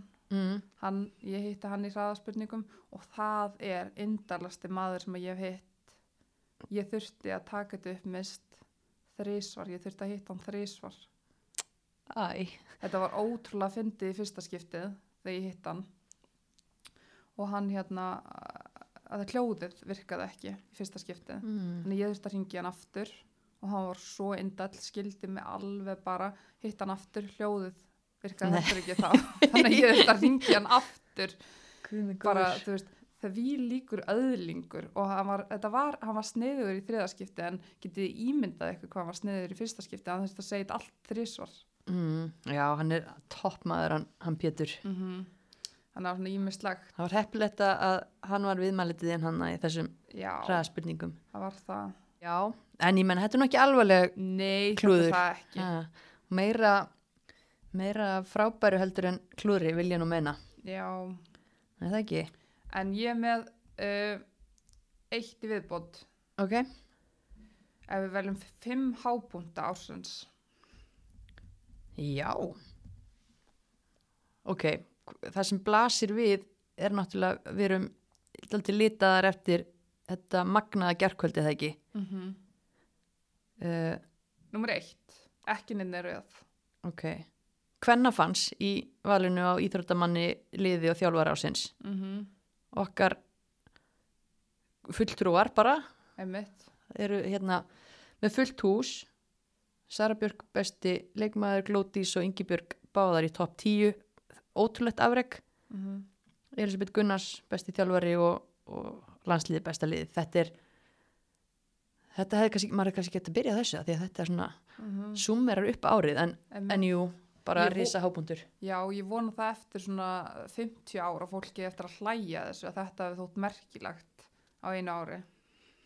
já, En við erum að skrifa söguna núna. já en ég vona stelpur. líka að fólk klæði ekki alveg á því það þarf líka að bera virðingu mitt fyrir öll, allri, þú veist, vinnunni sem er unnin og, og Mhm. hérna og Skrifa þetta er ekki auðvelt og bara svo að þau vorum að ræðum betu á það bara einhvern veginn elju semin og metnaðurinn og það sem að hún er búin að bara stappið sem hún er búin að standa í til Einmitt. þess að- koma sér á þann stað sem hún er núna. Það er Já. ekkert grín. En ég meina þá, þú, þú skilir hvað ég meina, ég sé að meina að þetta sé bara eðlilegt að já kona, 100% konur geta þetta allt. 100% og hérna já, það verður það. Einn góðan viðurdag Mm En það er kannski EM-sætið, það er líka, Huge, mm Sara vinnur mistardöldina, það er stórt. fyrsta íslenska kona til að gera það. Mm tekur bæði gull og silfur í keppninni. Mjög skondið. -hmm. og nummer fjögur beta, eins og við sagðum áðan þjálfar ásins í Svíþjóð. Það er stórt þar og stórt hér. Já, bæði um einmitt sænsku dildinni og á Íslandi. Mm og svo kannski síðast að Ingibjörg Sigurðardóttir rúlar upp já, nú er reyði maður mm -hmm. svo var að standa sig Mm hmm. og það er nú svolítið gaman að því að hver er mætt? sjá hverju mætt hérna, Ingibjörg Sigurðardóttir landslískona Noregs drottning og, og fleira Mm -hmm. Jæja, velkomin til okkar Ingibjörg takk fyrir það heiður mikill heiður að fá þig til okkar. Heiður að vera hérna, það er bara hannig. Það eru tvö ár síðan að þú komst hérna síðast. Við fórum yfir örgulega allan ferlinn bara. frá því að þú varst fjórara í Grindavík Mm -hmm. Já, það var gott spjall, Og þú veist, þú ert bara, hvað ertu gömul? 23 ára. Það er bilað. Ég var að, þú veist, að þessu undirbúið mig fyrir þáttin áðan og þú veist, ég, manni líður eins og maður sé að lesa um eitthvað, þú veist, þrítu að kempa sem er að afreika þetta allt. Já, ég fekk að heyra að ég væri kempað þegar ég var átjónuna í breðablik, hann ég er hún helviti vunissi, sko. Varst ekki bara að kempa þegar þú varst keift til, keift til breyðabliks frá Grindavík? það líkur við, sko. Mér finnst ég búin að vera bara í 20 ári í þessu, sko, ef ég var alveg hreinskilin. Og mér finnst það vera miklu meir en tvö ár síðan ég kom til ekki síðast. Mm þú varst fyrst til að koma í svona viðtal Já, mér finnst líka vera mun lengra síðan þetta er svakalegt. En hvað er ég að byrja? Þetta var svakarlegt ár hjá þér og kannski það, þú varst í topp 10 Íþróttamæður ásins -hmm. í gær til að hafa mikið með það. Takk fyrir. Það hefur ekki mátt vera ofar ekki ofan topp ofan topp 10 en fá fleiri í þessu með við árangurinn. Ég veit ekki, ég var svo lítið að í þessu en, en já, bara verið topp 10 það er bara tvílegur heiður, þannig að ég, ég, ég er sátt bara. Mm Já, og einmitt ekkert grín ár, árangur segir Hulda uh, þú náttúrulega bara komst sást og, og sigraðir í Noregi tvöfaldi meistari og valinn best þar hvernig svona, þú veist ég veit ekki, á þessu skrítna COVID ári að uppskýra svona, hvernig er, er tilfinningin? Um, bara ótrúlega góð því ég held að að gera sætara hvað maður var mikið að leggja á sig að æfa einn okkur um fótballtaföldi í Oslo og bara komin í nýtt lið og ekki þekka kannski marga og fara beint bara í ykkur er einstaklingsæfingan annars þannig já og það veru ófá indivar hlaupin tekin hann á vellinum hann er það gerir þetta svona ekstra sætt að þetta hafi verið erfitt ár en já En hvernig var, hvernig var COVID í Nóri? Hvernig hafði það áhrif á deildina eða hversu mikil? Já, senkaði deildin alveg um, eh, hvað var það, næstu tveir mánuðir eða eitthvað. Og síðan voru mjög stranga reglur um hvað við máttum gera, við máttum eiginlega bara fara á æfingar og síðan beint heim. Og voru lítið fara já, í búðir eða gera eitthvað skemmtilegt til að drepa tíman. Þannig, já, þetta var bara fótbolti allan tíman. Já. Kanski ákveðin kostur í því sem atvinnukona geta þá bara fókusera 100% á fótbolta en er það ekkit erfitt? Jú, það er náttúrulega erfitt að vera, já, eins og þú segir, aðtunum kona í fótbolta og maður vill eigða öllum sínum tíma í að hugsa um fótbolta og æfa en aftur á móti er erfitt að hugsa um ekki neitt annað heldur en fótbolta og þegar það kannski gengur ekki eins vel eða þó það gangi líka vel þá bara tekur þetta svolítið yfir að vera, vera alltaf að hugsa úr komin ný, komin heima aðeins og bara ok, aðeins á morgun aftur eða leikur og séðan bara hugsa um næsta leik. Það er ekki til að dreifa huganum á milli þannig þetta verður alveg erfitt sko. Líka bara þú veist að kynna sliðsfélagunum, fara á kaffi og svo eftir æfingu. Þú þurfti bara að fara heim og hella þér upp einn og bara hlusta á eigin hugsanir allan daginn. Við vorum nú duglegar að hérna, elda saman og gera eitthvað svona, reyna að gera eitthvað gott fyrir sig og, og jú, þetta var, já, þetta var alveg erfiðara en samt einhvern veginn ítti að mér bara að vera eins opnari og bara taka skarið og, já, og bara bjóða fólk í mati eða fara eða eitthvað þannig. Þannig þetta er svona, já, maður lítur á þetta bara sem annað, já, aðra áskorun. Þannig, Mhm. já. En getum við, getum við byrjað á byrjunni, þú veist, af hverju velur að fara í þetta lið? Þetta lið hafði aldrei unni deildina. Þú veist, hvað fer inn í hausna þar þegar þú ert í Svíþu og ákveður að taka þetta skref? og það var þau höfðu mig sam, uh, stemma sambandi um mig og ég einhvern veginn vildi alltaf fara já, ég vissi ekkert mikið um norsku deildin og ég vildi alveg vera mögulega áfram í Svíþjóð eða fara eitthvað í sterkari deild. En síðan ákvaði ég að heyra í þjálfarnum og fá hans að heyra hvað hvaða markmið hann var með og hvað, hver klúburinn stemdi og þá var þetta frekar auðveld ákvörðin eftir það. Um, bara mikill metnaður og já, bara prófa eitthvað nýtt og ég hefði verið allt öðruvísi hlutverki í þessu liði heldur kannski öðrum liðum sem ég var að tala við. Og það heitlaði líka að þurfa að taka stærra hlutverk og vera kannski svolítið leiðtói í leiðinu og, og já, það er eitthvað sem við vil gera líka í framtíðinni. Mhm. Er það rétt munið að mér fóst ekki hann til reynslu fyrir einhverjum nokkrum árum? Ég fór hana og æfði með þeim fyrir Þísklandslegin þegar Gunni var hana. Já, þá hvernig fengum til við Stísi að fara hana og æfa í ykkur tíu dag eða eitthvað. Hann er, já, ég hefði stíðað allar aðstæðinur og þetta er náttúrulega bara geggjaðar völlur og geggjaðar aðstæðir. Hann er, já, félagið og klúburinn hefur allar byrjuð til þess að vera hérna, eitt, eitt sterkasti, sterkasti liði í Evropu, sko. Mm. Hann er, já. En hver voru markmiðin hjá liðinu fyrir mótið? Um, þetta var, þú veist, við vissum alveg að við vorum með stert lið en við vorum alltaf meira að líta á næsta ár og bara hérna að stimpla okkur vel inn í meistaradeildina og, og, og meira bara þróa okkur saman sem lið og vera sterkara lið og við vissum að það myndi taka tíma en síðan gekk svona ótrúlega vel í byrjun og þá var markmiðið mjög fljótt bara að fara í hvert leik til að vinna og þá endar uppi sem meistari að þú gerir það, þannig, þetta er ekki flókið. Nei, Nei, hvað svona heldur að þið hafið haft fram yfir keppinauti ykkar? Þetta var náttúrulega ótrúlega hörpa árátta alveg bara fram í blálógin. Um, já, ég held að við erum náttúrulega með mjög góða leikmenn í liðin okkar og mikla breytt og var mikið samkeppni og hérna bara kröfunar sem að við höfum til hvers annars og þjálfarn hefði til okkar gerði æfingarna mjög góðar og já, ég held að það hafi bara verið það sem að svona skar fram úr hjá okkur. Getur þú nefnt einhverja, þú veist, einhverja, hverjar eru starstar þannig í liðinu eða þú veist, bestar fyrir utan þig? Uh, já, hérna við erum með, eða fyrirliðin okkar Sherita Spitze, hún var fyrirliðin í Hollandi og vann EM og þannig hún er svona stærst. En síðan erum við mjög margar er, við erum eiginlega flestar bara 23 til 25 ára og erum svona, þú veist, það eru þrjári í danska landsliðinu og hérna, síðan eru ung, uh, ungar stelpur í norska landsliðinu eini serbneska og síðan í Kamerún og hérna, þannig að við erum svona já, eini Nýja Sjálandi í landsliðinu þar. Okay. Þannig að þetta eru allt unga stelpur sem vilja ná langt og þetta er kannski ekki endastöðin hjá okkur en það hjálpar alltaf að hafa unga metnaðfulla leikmenn í liðinu og hérna, já, sem vita að þeir eiga margt inni og vilja ná árangri. Þannig Mhm. þetta eru kannski ekki þekkt nöfn núna en ég held að eftir nokkur ár hafa verið meiri hlutileysins mjög þekktur. Mhm. Já, hann segir spitse fyrirliði, menna það er náttúrulega risa nafn. Hvernig, okkur er hún að spila þarna? Hún er búin að spila mikið í Nóri, hún var í Lilleström og vann mikið með þeim og hérna og síðan hefði Volveringa samband þegar þau vildu taka næsta skref og verða einn af bestu klúbunum í Evrópu þannig þá áttu hún svona að koma inn og byggja hennan stigur kultur hjá hinnum leikmennum og já, þannig hún bara hefur náttúrulega gert það, hún er með mikið vinner mentality og já, alveg leikmaður, þannig já.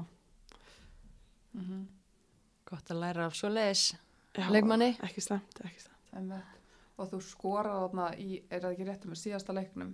Mm Maður sá myndband af því það var alvörið þegar leið, þeir leiði vel þegar þú skoraði þetta mark. Ó já, þetta var, þetta var mjög góð tilfinning. Maður var bara að býða svo lengi eftir þessum leik og segja bara svona, já, létt, léttirinn einhvern veginn að, þetta var svo tæft, þetta var svo að, hérna, stutt á milli þannig og við vissum að við þurftum að vinna frekar örugt til þess að bara það myndi duga. Þannig, já, mikið léttir.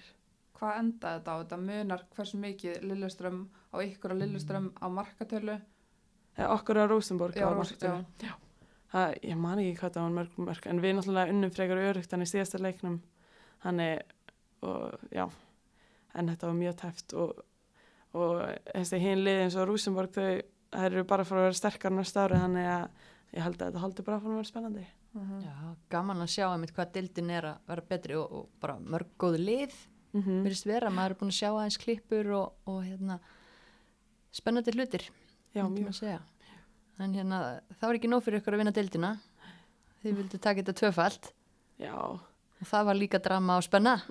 Já, aðeins svo mikið spenna þannig í lokin, sko, en, en já, þau vissum að getum unnið tvöfalt og, en, já, eftir að hafa tekið hérna deildabyggarinn og hérna og síðan verið með næstu helgi bara byggar mistaratítilinn fyrir framann okkur þá, já, það var ekkert að fara að stoppa okkur þar, held ég. Nei, hvernig það fór í framlengingu Mm Og síðan unnum við 2-0, já. já hvað, og aftur spyr ég bara, þú veist, líkillin að því hvað eru þið að hafa framfyrir því að þið eru að klára þetta á markatölu í framlengingu og, og þetta. Já, um, það er bara, ég man eftir þessu líka oft með breyðablík þegar maður er bara svona á okkur róli og, hérna, og þá einhvern veginn hefur maður alltaf trúa í að þetta muni rettast í lokin og maður veit alltaf að maður er að fara að skóra og, og, hérna, og við náðum einhvern veginn, vorum í betra form en það er kannski að hlaup og með meiri breytt bara í liðinu þannig um leið að það er orðið þreyttar þá, já, náðum við bara einhvern veginn að keri við þær í lokin sko. Já, þetta er ótrúlegt. Vinnur tvöfalt og, og hérna, eins og segir, náttúrulega rjómi og kökuna að vera valin best í deildinni. Það var nú svolítið skondi hvernig það var, hérna, þér var tilkynnt um það. Já, þau náðu mér alveg þannig sko, en bara gaman að eiga þetta myndband. og hann hann að þjálfarinn kemur til þinn og þú vissir ekkit að það væri verið að taka þetta upp væntalega ekki Nei. Nei. og þú heldur þarna að hann sé að fara að bekka þig þegar hann tekur spjallið Hann er, já, ég er alveg skítrætt við hennar mann ef ég voru alveg reynskilin. hann er grjótharður og hann, hérna, þó að maður eigi frábæran leik og valla fyrirstendingu þá finnir hann alltaf ykkur detail sem maður þarf að laga og hann hefur miklu væntinga til mín og hann hefur alveg, hérna, látið mig vita að ég, þó að gangi vel þá þurfi ég að halda áfram og hérna, já, ég var ekkert að búast þessu, hann er líka ekki þannig maður að hann sé eitthvað að fagna svona persónulegum titlum með leikmannu sínum, hann er að, já, ég hef ekki hugmyndum að þetta var að fara að gerast. Er hann algjör bad cop? Er hann með good cop með sér eða? Sko, hann er alveg bad cop en hann samt einhvern veginn svona átta sig oft á því í miðju samtali að hann sé, þú veist, þurfi líka að vera jákvæður, hann er, það er svolítið fyndið að fylgjast með hann bara átta sig bara, en já, þú ert samt að standaði mjög vel, bara, þú gerir samtalið margt gott, en bara þetta detail, bara, hann er, og ég held, allavega ég vil hafa þjálfar þannig, Mhm. mér langar ekki að hafa þjálfar sem að er bara hrósa mér endalust og eitthvað, ég fæ ekkert út af því, þannig, já, Hvað heitir þessi maður? Jack Mægård Jensen. Ok, Nossari. Nei, hann er Danir reyndar. Ok, Hann er, var að þjálfa Rústingvörd og hann er, hann er svona, ja, hann talar sænsku með dönskum reym, það er mjög skemmtilegt. en þú skildir hann þegar hann sagði að þú værir besti Já, já, já, Það, þú, þú áttir ekki vona á þessu nei, ég allavega ekki í þessu mómenti, sko. Og ég, ég vissi ekki eins og hann verið að vera að gefa velunin í þessari viku eða neitt, ég var ekkert að pæla í þessu, þannig, já, ég var bara undirbúið myndið að vesta að hann var að fara að bekka mig í byggrastunum. áts. en það er mjög já, ég trú ekki að þú, þið hafi ekki þú veist grunað þetta þið fannst þú alveg góð samt í Já, já, en mér fannst hinnar sem voru tilnæmdar bara mjög góða líka og það er aldrei, það er eða, mjög sjaldan sem varnamaður vinnur þetta og þannig ég var bara svona að þeir hafa hent mér innan til þess að jafna þetta eins út hvað var að stöður og eitthvað. Þannig, já, en já, bara gekk Já, en þá stærra afreik fyrir viki kannski. Mhm. Landa þessu sem varnamæður. Já, ég er mjög stolt af þessu sko, þannig, já, það bara tók aðeins lengri tíma fyrir mig að melda þetta kannski. Og þú ert vinsalarni liðinu þar ég minna þar hoppa allar á þig og samgleðast þér. Þú hefur eignast vinkonur annar líka. Já, þetta er náttúrulega frábært liði sko. Og eins og þess að við erum margar á sama aldri og með sömu markmið þannig við náum svo ótrúlega vel saman þannig ég bara get ekki verið ánæðri. og hvað er svo hvað, hvað ætlað þú að gera? Þú ert búin að ná þessum árangri. Getur þú gert betur með þessu liði? Já, mér finnst, eh, mér finnst ég núna allavega að vera komin vel inn í liði og ég veit svona mitt hlutverk og, og síðan já, alveg margt á þessu ári sem ég hefði kannski viljað gera betur og verið kannski aðeins meira stöðuleiki í sömum leikjanum og hérna og já, þannig það er alveg margt sem ég get gert betur. Heldur þú að eh, sér fram á líði verði skipasvipuðu með sömu leikmönnum á næsta tímubili? Eða hvernig lítur það út?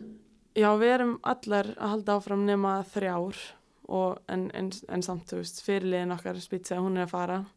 Og hérna, þannig það er alveg stort skar til að fylla í, en hérna en já, það er bara að gegja hvað margar er að halda áfram og það er náttúrulega að hjálpa bara næsta ári. og hvar sér þig þú veist þú ætlar að vera þarna næsta ári hvað svo hjá þér? Þú hlýtir að vera búin að hugsa aðeins svona hvað langaði hvert langaði að ná?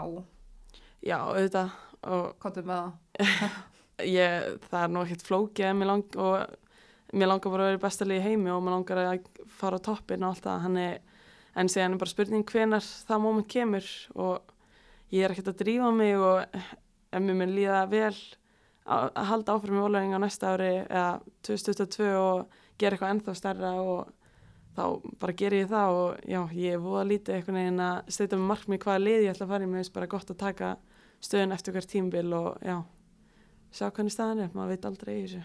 mm Já, þannig að bara, þú veist, út að ég er ennþá með þetta, þú ert 23 ára og ná, búin að ná þessum árangri, þú ert ekkit orðið bara, heyrði, ég vil gera eitthvað strax, þú vilt vera þarna aðeins lengur.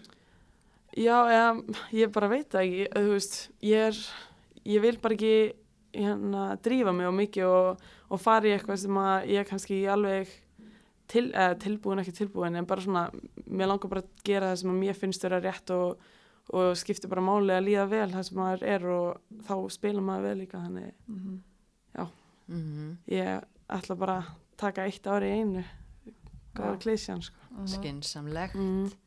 En já, en það var hérna, svona við förum kannski eins bara frá Noregi að því að það er náttúrulega frábær árangur að, að nást víðar og eins og við komum inn á áðan þá ert í áttundasæti íþróttamanni ársins og ert í liði ársins, íslenska landsliðinu sem að tríði sér sæti á fjórða EM-mótin í röð. Hvernig svona lítur á þetta landsliðsár? Menna, komnar á EM, markmiðinu náð.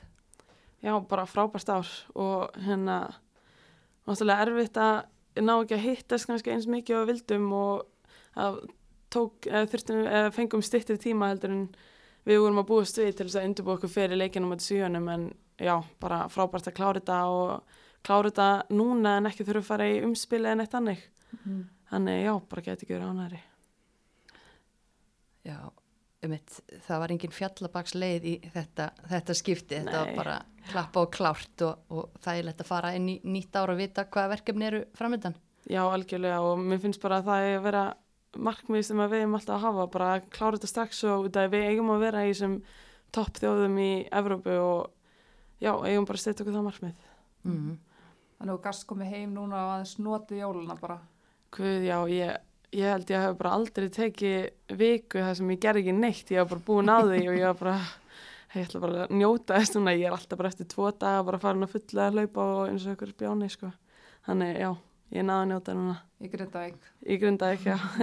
í heita pottinu með mömmu og Ó, pappa. já. Hvað verður lengi hérna?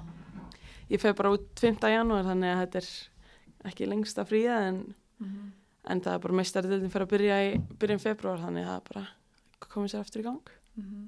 Og hvað borðar afreiks íþróttakonur svo þú á gamlás kvöld? Herðu, ó, það er eitthvað svona steik, ég mani, mamma var að segja mig hvað það hétt.